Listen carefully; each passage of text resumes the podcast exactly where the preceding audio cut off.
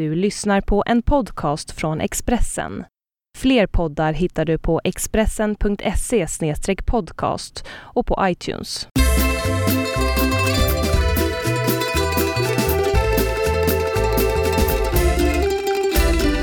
Hej och välkomna till... Hemma hos Birro.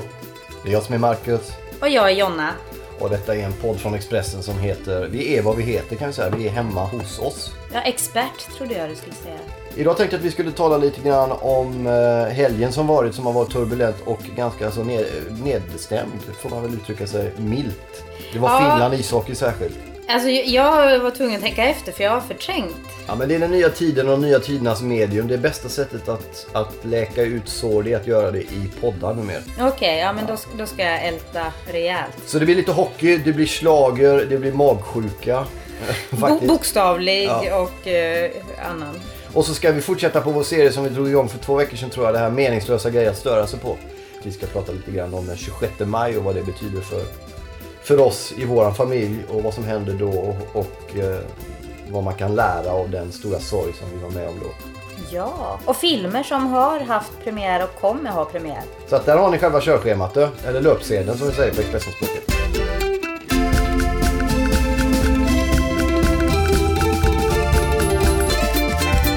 Men vi börjar ju att ta avstamp i det som har varit nyligen, nämligen helgen. Mycket slager kan vi säga om vi börjar där. Ja, det var det. Det, blev ju, det var ju final helt enkelt. Först var det två semifinaler och sen var det final. Om vi, vi hugger Petra Mede först tycker jag. Ja, det- Hur många getingar får Petra Mede? Eh, Hon, eh, hon får eh, ett helt bo tycker jag. Jag tyckte hon var briljant, jättebra. Hon får en, en getingfarm skulle man kunna säga. Ja. Ja, hon var bra. Det jag slogs av lite det är för jag, jag, hon har varit med i Birros bord för övrigt. Jag tror du sa det förra gången Ja det också. gjorde jag naturligtvis. Som, sån är jag. Men vet du? ja. Jag tror att hon har varit med i Birros bord. Ja, faktiskt. I förra veckans Birros bord hade vi även en sketch där hon skojar lite om min nya bok i SVT. Ja, just det. För att göra det ännu mer tredimensionellt. Ja. Eh, Men hur som helst, jag vet ju att hon är, och det vet alla, att hon kan vara väldigt så flamsig och rolig. Hon har själv sagt att hon kör mycket på instinkt och att hon gillar att liksom... Men det som var imponerande nu var ju att hon var extremt stringent. Eller hur? Hon, var Ja, väldigt, hon drog inte iväg, hon följde manus. Det var ju liksom inga... Du vet, hon tappade inte byxorna och det var inga Lindfors-grejer. Men hon höll Nej. i det vansinnigt bra. Och hur bra engelska hon pratade. ja, väldigt välartikulerat. Ja. Hon var bra. Låtarna då? Får de lika många getingar tycker du? Eh, inte allihopa, men jag tyckte det var några riktiga pärlor faktiskt. Så att jag... Kan du inte dra vilka du tyckte var bra? Det är lite kul. Ja, eh, jag var väldigt förtjust i Ungerns låt. Den här eh, monotona mm, Kedversem-varianten där med toppluvekillen i Men det är för att du glasögon. tyckte han var snygg lite. Eh, ja, kanske. Fast eh, jag tycker låten var faktiskt bättre än han snygg. Om ni inte kommer ihåg den kan vi försöka att eh, måla upp en bild här via radion. Han såg ut som en Södermalmshipster i skägg, Ja, jag sa ju, glasögon. ja, han skulle passa hemma här. Ketchika oss, eller något men- sånt där heter den. Kedversem. Ja, just det. Den var lite rolig faktiskt. Vilka Mm. fler låtar gillar du då? Sen gillar jag Grekland. Alkoholisfri. Ja. Alkoholisfri. Ja, mycket trevlig. Rolig. Och sen gillar jag, vad gillar Jo, jag tyckte ju Norge hade en väldigt bra låt, även om det kanske, ja. Jag, jag brukar inte gilla de som är så här eh, tippade, så att därför var jag lite så här störd på både Danmark och Norge, även om båda låtarna var ju bra egentligen. Jag tyckte. Norges var bättre än Danmark. Tycker jag med. Faktiskt. Eh, Men, men danskan var lite, ja men hon var så charmig och verkar snäll och gullig där. Hon var lite varmare än norskan. Ja. Hon var lite kyligare kan man säga. Lite Jo, coolare. coolare, ja. Lite som Bättre. Norge och Danmark är kanske. Kanske. Fast norrmän är väl inte så, de är väl ganska eh, Nej, det är sant. De är, hip, de är inte så coola faktiskt. Det är mer så nej. Så där pratar man. Ja. Lite.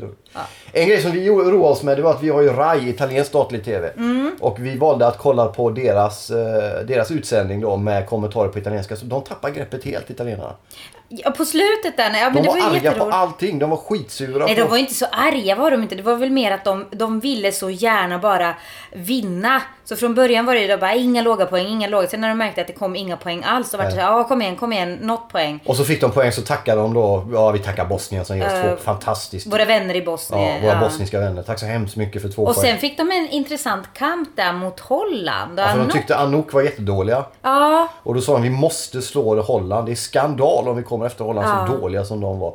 Så de tappar greppet helt. En annan grej som var lite rolig också det var ju att de blandade in Doe Doe, Sverige-Danmark, EM i fotboll 2004 och den eventuella Ja, konspirationsteorin. De körde ju mycket konspirationsteorier vilket visade sig inte hålla. För de körde då, ja, öst röstar på öst. Ja. Och när Norge gav poäng till Sverige och tvärtom så började de, mm, satt de där och nickade. Ja, Skandinaviska Ja. zonen. Fast det roliga var att när... Biscotti som det heter på italienska när det är uppgjort liksom.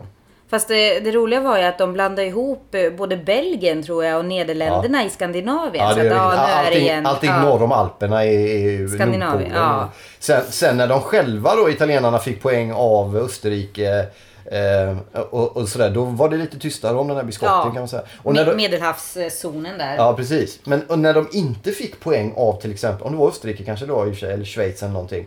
Ett grannland som de inte fick poäng av, då blir de skitarga. Och så, varför röstar ni inte på oss när vi liksom är i samma del? Mm. Ja, så det höll ju. Ja, men det var kul. Ja, de var skit, ja, det var riktigt roligt faktiskt. Det var bland det roligaste jag varit med om att de tappade helt faktiskt. Det var det bästa med slaget tycker jag.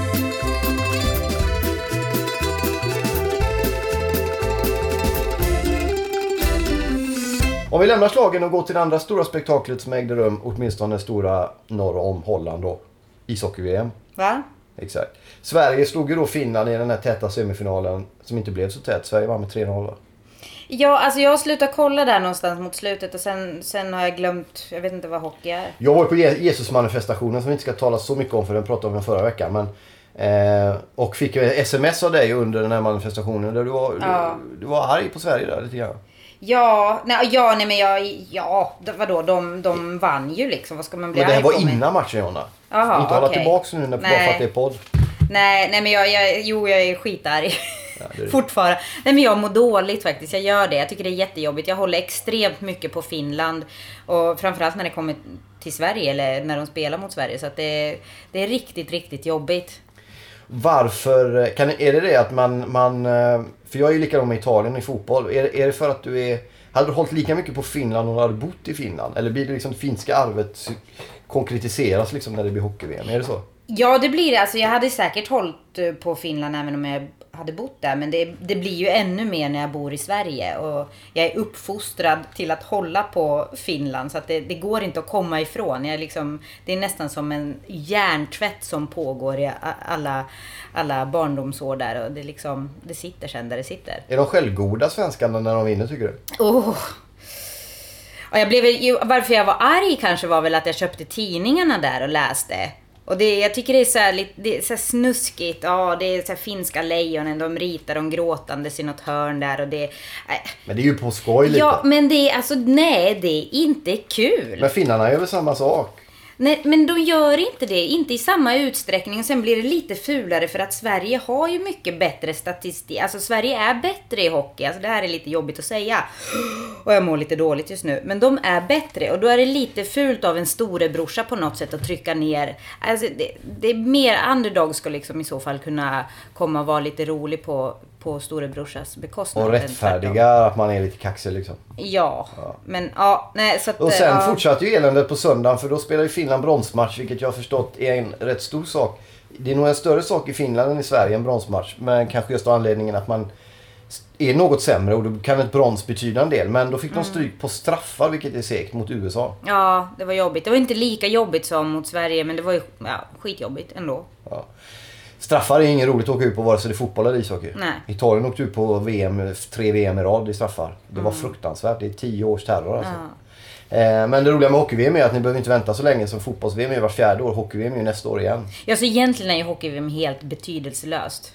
Betyder Men det hade ingenting. du inte sagt om Finland hade vunnit VM. Eh, nej, men de gjorde ju inte det. Så att nu är det helt betydelselöst. Sen däckade du helt eh, söndag till måndag där. Magsjukan Nej, nej, jag fick faktiskt det redan natten till söndagen. Så jag tror det var en, en psykisk reaktion, eller var fysisk reaktion på en psykisk stress eh, någonting. Då hade vi i alla fall våra barn som gick runt och fick leka doktor med dig och lägga bland annat små korgar på huvudet och Ja. plastleksaker på knäna och sådana grejer. Ja, det var ingen kul. Och lekte lite.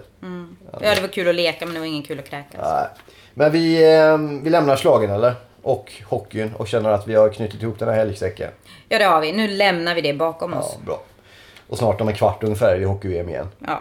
Vi eh, startade en serie för några veckor sedan, meningslösa grejer att reta sig på för att friska upp minnet eftersom ni, podden är ju eh, en välsignelse och förbannelse på det sättet att den betyder mycket men väldigt kort.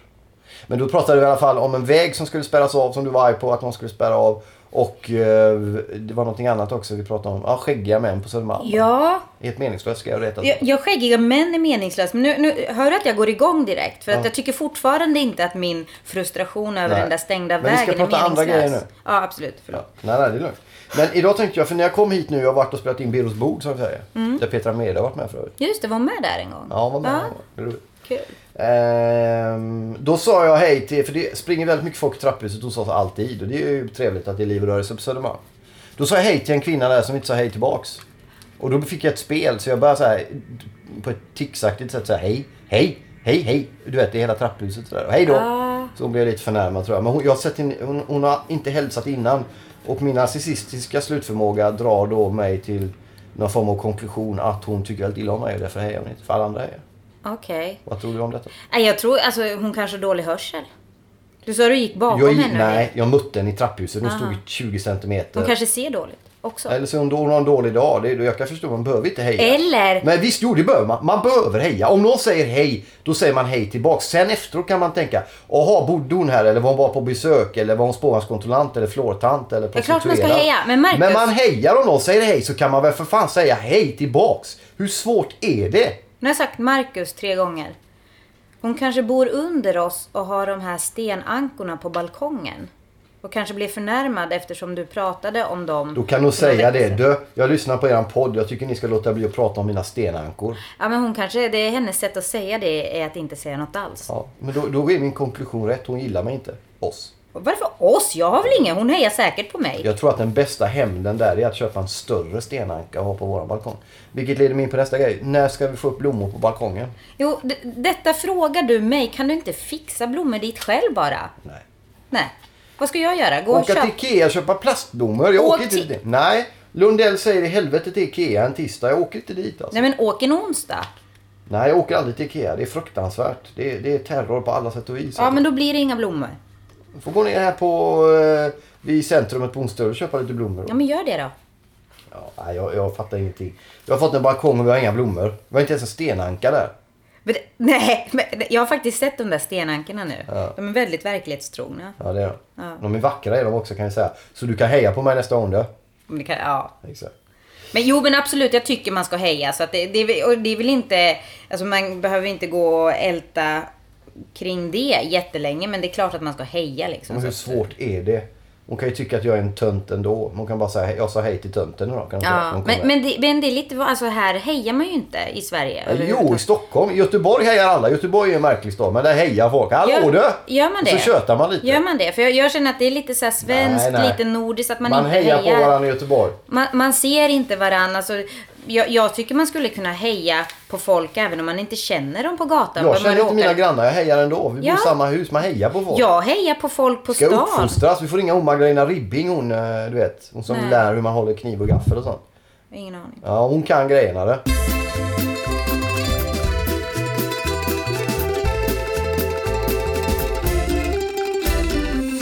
Vi ska bli allvarliga ett tag eh, och prata om att det strax är den 26 maj. Idag är det den när vi spelar in där är den 22 maj. Så den 26 blir alltså... På en söndag. Nästa. söndag. Nu på söndag. Den 26 maj 2006 förlorade vi vår första son. Som heter Dante som föddes och dog. Han hade lunginflammation så han dog när han föddes. Kan man säga. Eller han levde precis när han föddes. Sen dog han. Eh, på ett sjukhus i Finland efter att vi hade Även om det fortfarande känns som att vi har, vi fortsätter slåss känns som. Men vi hade, du framförallt, men även jag bredvid, slagits för hans liv under 8-9 dygn. Va?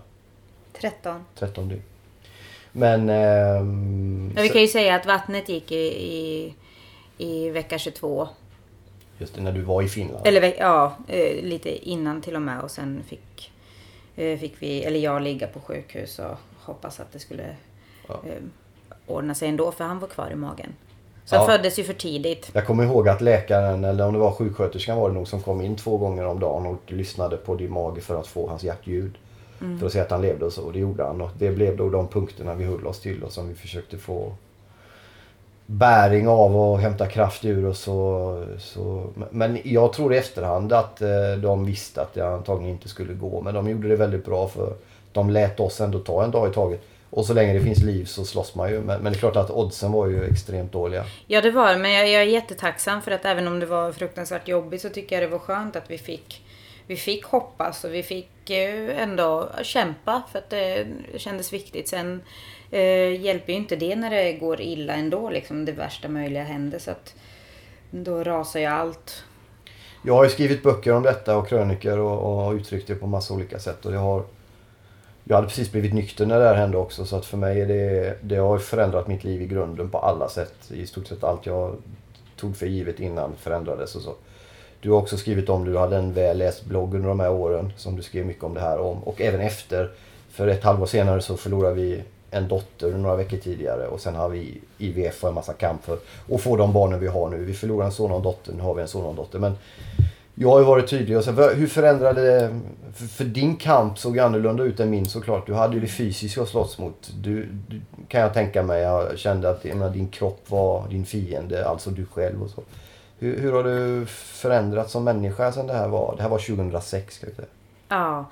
ja, det är jättesvårt att säga så. Men det, det är klart det har förändrat den. Sen, sen är det ju fortfarande, ja, jag har väldigt svårt att eh, och komma över det. Framförallt maj månad varje år efter det är väldigt tung. Alltså jag känner att det är någonting i kroppen som bara bråkar med mig hela tiden. Så att det, det känns jobbigt. Men, men framförallt så är det det här med att jag, jag, känner mig, även om jag vet i huvudet att det inte är mitt fel på något sätt, så finns det ändå någon typ av känsla som, som, som envisas med att eh, påpeka att jo men kanske ändå någonstans är Men kom inte de tankarna på skam något när vi så småningom ändå lyckades få barn, Milo och Mimmi? Jo! Och en... att, att, även lyckades få dem att överleva och klara sig. Alltså att din, din kropp tog revansch på sig själv. Jo, det gjorde den ju. Absolut. Så att det är inte lika. Men just att maj månad, det är en sån där liksom en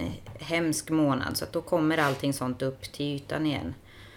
Och det känns lite som att, eh, jag menar, han föddes normalt, eller de vägrar ju snitta mig eftersom jag hade fått infektioner. Känns som att hade, eh, hade de snittat, då var ju i och för sig risken fanns att jag skulle kanske ha fått något allvarligare eller till och med dött. Så att det var ju inget alternativ. Men det känns ändå som att kanske hade, ja du vet. Men det är inget att hålla på och älta. Men just under maj månad så ältar jag allt sånt. Sen snart är det juni och då släpper jag det lite mer. För mig ändrade det ju en massa saker i grunden. Dels redan när vi blev gravida med Dante i slutet av 2005 då. Så, så eh, blev jag så överraskad över vilken kraft det fanns i det. Och det här med att man väntade barn, att känslorna kom så snabbt och kärleken till det man väntade växte stor. Och, så. och även med missa, alltså på andra sätt i livet så har det förändrat. Men hur har det förändrat liksom, din inställning till sådana frågor som när ett liv blir ett liv? Och, kärlek och relation till barn. Och, och, och, har det, för det känns inte som det har förändrat dig lika kraftigt som det förändrade mig. Men jag vet inte riktigt, jag hade väl ingenting uh, att jämföra med. Jag har inte varit mamma innan. Nej, det hade jag, jag inte varit pappa innan jag heller. Jag blev det 06. Nej, men just att så jag vet inte riktigt uh, uh, hur. Sen kan jag bara prata för mig själv hur jag känner och för, för mig det är jättestort liksom. Det är klart att det framförallt när vi blev gravida med Milo sen efter IVF och man vet liksom exakt från första, alltså man vet dag 14 efter att man har fått det där embryot återinfört liksom så vet man om det har fastnat eller inte.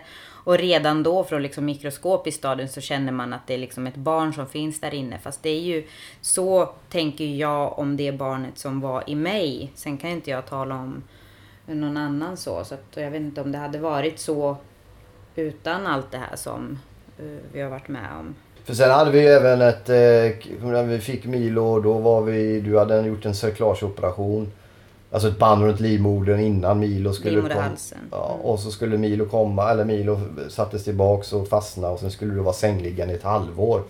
Så vi hade ju mm. vi hade egentligen alla odds emot det med. Det var ju, när man ser tillbaks på det nu så känns det, det här var ändå 2008 då. Han föddes i början av 2009. Vilket, vilket krig vi har liksom gått igenom på något sätt. Ett kärlekskrig kan man säga. För att lyckas få Ha, men, men nu när, det, när du har lyckats då, ser du på ett annat sätt tillbaks liksom? På det som var 2006? Nej, nej alltså det, det är ju inte lika jobbigt. Eller, ja, men, återigen, maj är en jobbig månad. Men det är klart att det, det, är ju, det finns ju så himla mycket glädje i livet just nu. Och sömnlösa härliga nätter. Så att eh, man, man tänker ju inte på det på samma sätt. Liksom. Det är inte lika akut som det har varit. Och det, tiden läker alla sår. Jag vet inte, det, det är lite klyschigt. Men Det beror väl på vad man gör under tiden tiden äh, läker såren. Tiden går i alla fall och det är klart att eh, saker och ting blir balsam på det och sen är man ju upptagen med livet och det, det är ju jättebra vara det. Eh, för de som vill läsa mer om det så finns det böcker att läsa som, som man har skrivit. Eller? Så- Jag gav, men mitt sätt att bearbeta Ja. var att skriva en bok. Jag, hade nog inte, jag vet inte vad jag hade gjort annars. Nej men jag skrev Ja. jättemycket efteråt och, det, var, och det, det råder jag alla till att göra. Alltså skriva. För jag trodde vi var helt ensamma i universum. Ja, ja, ja. Och jag kommer ihåg jag var på biblioteket när det här hade hänt. eh, Och upptäckte, eh, detta var senare då på hösten när vi hade förlorat eh, även hans lilla syster då. När vi hade förlorat två på ett halvår där. Och jag måste, jag måste läsa, jag måste hitta. Och det fanns ingenting om det här. Ja. Inte en bok kommer jag ihåg. Det var helt tomt i den här hyllan i Norrköping när vi bodde. Så då tänkte jag få skriva en själv och det gjorde jag. Det, och jag åkte runt och pratade om det. Det läkte mig i alla fall. Eh, till, till viss del att få sätta ord på det. Det är ofta så det funkar ju.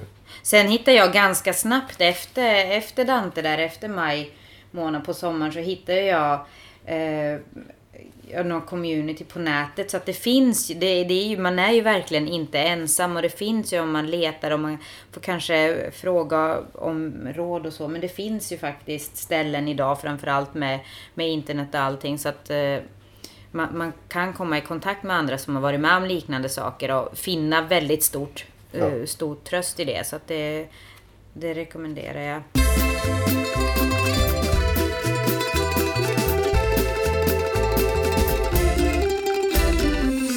Vilket föranleder oss in på krönikan idag som vi, vi ska gå över lite fort. Den, den handlar om eh, att våga tro på livet mitt i döden lite. Knyter an till det vi pratade om lite. Att, eh, jag skriver lite om, eh, om tro naturligtvis igen. Som jag envisas att skriva om tro hela tiden. Men om Västerbron till exempel.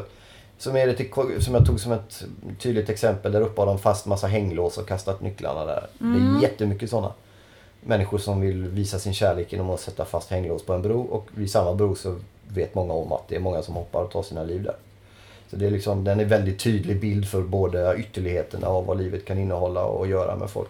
Så det skrev jag lite grann om, om, eh, om det. Och eh, i, i allt detta så ska jag dessutom ge ut en bok om allt det här. Det är roligt. Om tro och döden och livet och kärleken. Och alla de mest pretentiösa ämnen du kan tänka dig, de tycker jag om att skriva om. Ja men det är jättebra att du har någonstans du kan samla allt det här och de som vill läsa allt det här kan då liksom läsa allting samlat. Ja. Det blir inte Eller bara det, det blir även nyskrivna texter. Det är en del som är krönikor och sen Mm. blir om tro och om att leva i Sverige med tro och vart ska man ta vägen med kristenheten och allt sånt där. Det blir kul. Ja. Det kul blir det inte men det blir... Jo men det blir det Ja, säkert. det blir spännande. Det behöver inte bara, alltså, jag menar, tro inte, det, ibland känns det som att tro ska vara så himla jobbigt eller att det är... Jag fattar att det tro är roligt, dynamiskt, spännande, utmanande, upproriskt, Ja. kärleksfullt, solidariskt. Och jag tro är allting. borde... Alltså, Det är Sverige vi delar upp det. ja, jo, jo, men okej. Ja. Den boken är klar och sen är det en ny bok som är klar. Jag ska skriva en ungdomsbok om fotboll. En 12-åring som flyttar till Roma och blir proffs i deras akademi där. Okej. Det är roligt. Jag har aldrig skrivit ungdomsböcker förut. Nej. Men jag är ju 12 år i hjärta och sinne så det ska inte vara så svårt. Nej, bara gå in i det själv. Och italiensk fotboll kan jag ju. Så det tänkte jag nämna lite kort och det har jag just gjort. Därför Ja. går vi över på ett ämne där många tyckte att jag blev lite för brysk mot dig förra veckan när vi pratade film. Tyckte andra det också? Ingen aning, jag bara sa det lite för att det var... Jo men det, det tror jag faktiskt de tyckte, eller jag tyckte framförallt. Jag, jag blev Men nu, lite... då får du fortsätta nu denna veckan att Och så fullfölja. avbryter du mig direkt innan vi ens har börjat prata om detta, Vi Marcus. ska säga det att du studerar filmvetenskap och skriver film för Moviescene på nätet. Men prata då vad det var du skulle fullfölj meningarna som vi säger. Eh, ja, vilka meningar? Ja, vad var det vi pratade om förra veckan när du kände dig avbruten? Eh, ja, det var ju sent också. Nej, jag kände bara att jag liksom eh, misslyckades med att formulera några meningar. Eh, och jag kommer inte riktigt... Jo, vi pratade om eh, The Shining gjorde vi. Ja, just det. Och om Stephen King då som inte var nöjd med Kubricks version av filmen och... Eh, Han tyckte att Jack Nicholson såg galen ut från början. Det fanns Ja. ingen utveckling till galenskap. Så han gjorde en egen tv-serie på Just. åtta timmar eller någonting. Och jag ville minna på då att jag tycker inte att eh, man som filmskapare har en skyldighet att liksom ta eh, sådär jätte, jättemycket hänsyn till eh, förlagan. Det tror inte jag heller. Men jag tror att Stephen King, nu om jag får be hans talesperson lite kort. Mm. Han reagerade nog på att den har blivit så sönderhyllad som den har blivit. Alla älskar The Shining, alla Ja. använder den. Medan han själv då som upphovsman anser att någonting annat. Hade han bara hållit med så hade han kanske inte... Men visst har du rätt i... Nej men han kan ju tycka liksom, det är klart man får tycka om man har skrivit en bok och man tycker att det inte blir bra enligt ens egna åsikter och värderingar så kan man ju tycka det. Men jag tycker Men jag det är att gå lite långt som författare då att, att liksom börja producera en egen liksom. Han sa ju det f- 30 år efter filmen ungefär. Och innan, innan jag läste att han hade sagt det så hade jag inte tänkt på det på det sättet. Men när han sa det så tänkte jag, ja det har han faktiskt en poäng i. För redan i anställningsintervjun, en Mm. av de första scenerna, så ser Jack Nicholson helt blindgalen ut alltså. Ja, jo men jag tycker inte det, det stör inte min upplevelse av filmen. Nej. Fast eh, det här var ju vad vi pratade om, eller vad jag försökte prata om förra veckan. Vi, vi pratade säkert om det också, men det blev lite, lite hetskt. Alla bara tycker där. jag avbryter hela tiden. Nej, jag tycker att du avbryter. Hela men prata istället då. Jag försöker! Exakt. Och då avbryter du. Jag inte alls det, jag sitter ju bara. Men det jag ska prata om idag är ju filmen som jag såg förra veckan och som hade premiär förra veckan också. Den store Gatsby. Ja, med Av Baz Leonardo. Luhrmann. Ja, Det är ju egentligen en film, eller en bok, precis. av Fitzgerald. Ja. En av de största amerikanska romanerna. Och därför liksom återknyter vi då till diskussionen från förra veckan. Just det.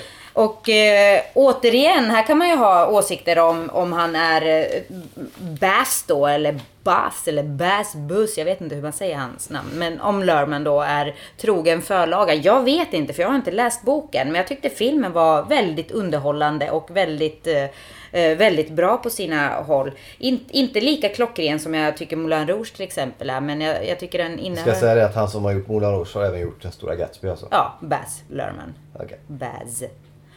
Eh, men den var väldigt bra eh, och Leonardo är suverän som Gatsby. Och även övriga spelar fantastiskt bra. Så att det, var, det var sådär härligt sprakande och det bara exploderar om och om igen. Kommer du läsa boken nu då? Eh, Ta den andra vägen liksom? eh, mm, nej, ja, kanske eller inte. Jag vet inte. Nej. Varför, Nej. varför inte då? Är du rädd att du ska få nya bilder? Eh, Nej, inte så. Men jag liksom känner inte... Det finns andra böcker som är före. Okej. Du har sett någon tecknare också? Ja, eh, den store Gatsby får i alla fall fyra Getingar. getingar. Bra! Ja, in, inte, så här, inte de stabilaste Ja, men lite halvfladdriga. Lite halv så. Men i alla fall den här eh, tecknade Epic, Skogens hemliga rike, som har premiär nu på fredag. Som handlar om en Eh. eh. nördig pappa och en, hans 17-åriga dotter va? Ja, I tecknad form ska vi säga. ja det, det är en animerad film. Exakt. Och det handlar om ett eh, litet, eh, litet lilleputtsamhälle i skogen som, som är i krig med ett, ett annat eh, folk där. Och den här 17-åriga dottern då förvandlas till en sån liten plutt och eh, hamnar mitt i, mitt i kriget om skogens vara eller icke vara. Är det en miljöpartistisk film skulle du säga? Lite så. Okej. Det, det, det finns en, en Rädda morali, träd, alltså. ja, moralisk Krama ett träd som vi sa på 80-talet. Trädkramare. Ja, fina men det är trevligt. Jag tycker det är trevligt och det är bra för, för, för de yngre. Och sen måste jag säga att eh, den filmen var i 3D och det var väldigt bra i 3D. Det är väldigt vackert med, med skog och blad och gräs som fladdrar och allt det. Så att... eh, jag- funkade liksom. det- Den funkar väldigt bra i 3D och visuellt otroligt vacker. Sen var det en hel del luckor i logiken och sådär som kanske inte... Alltså om man ska gå in i berättande kanske man inte behöver göra en animerad film Nej. alla gånger. Men jag tror att de yngre kommer ha väldigt stor behållning av den. Så att den får också en något haltande men ändå tre getingar. Och jag måste säga här också bara om den store Gatsby. Om möjligt se den utan 3D. För jag, där tyckte inte jag att 3D tillförde något utan snarare störde. Bra.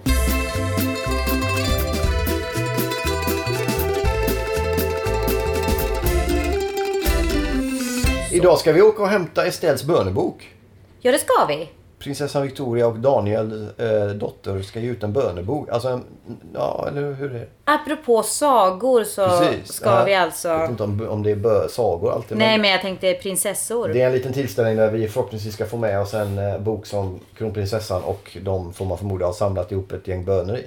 Mm, till prinsessan Estelle då. Ja, just det. Eh, som för övrigt firade Sveriges hockeyguld för att knyta ihop det vi började prata om. Ja, och återigen, hockey betyder ingenting. Så att... Det är ju bara 10 minuter kvar nu till nästa VM. Vi tackar för detta då och eh, hör gärna av er med synpunkter. Skicka mejl, brevduvor eller lite andra saker på Twitter. Finns vi Facebook.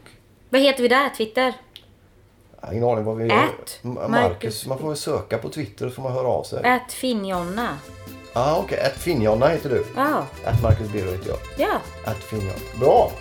Då tackar vi för detta och så önskar vi alla en eh, trevlig avslutning på maj då snart. Mm. Nästa vecka va? Och snart är det juni. Härligt. Ja, skönt. Ta hand om er så länge då. Hej Tack då. så mycket. Hej.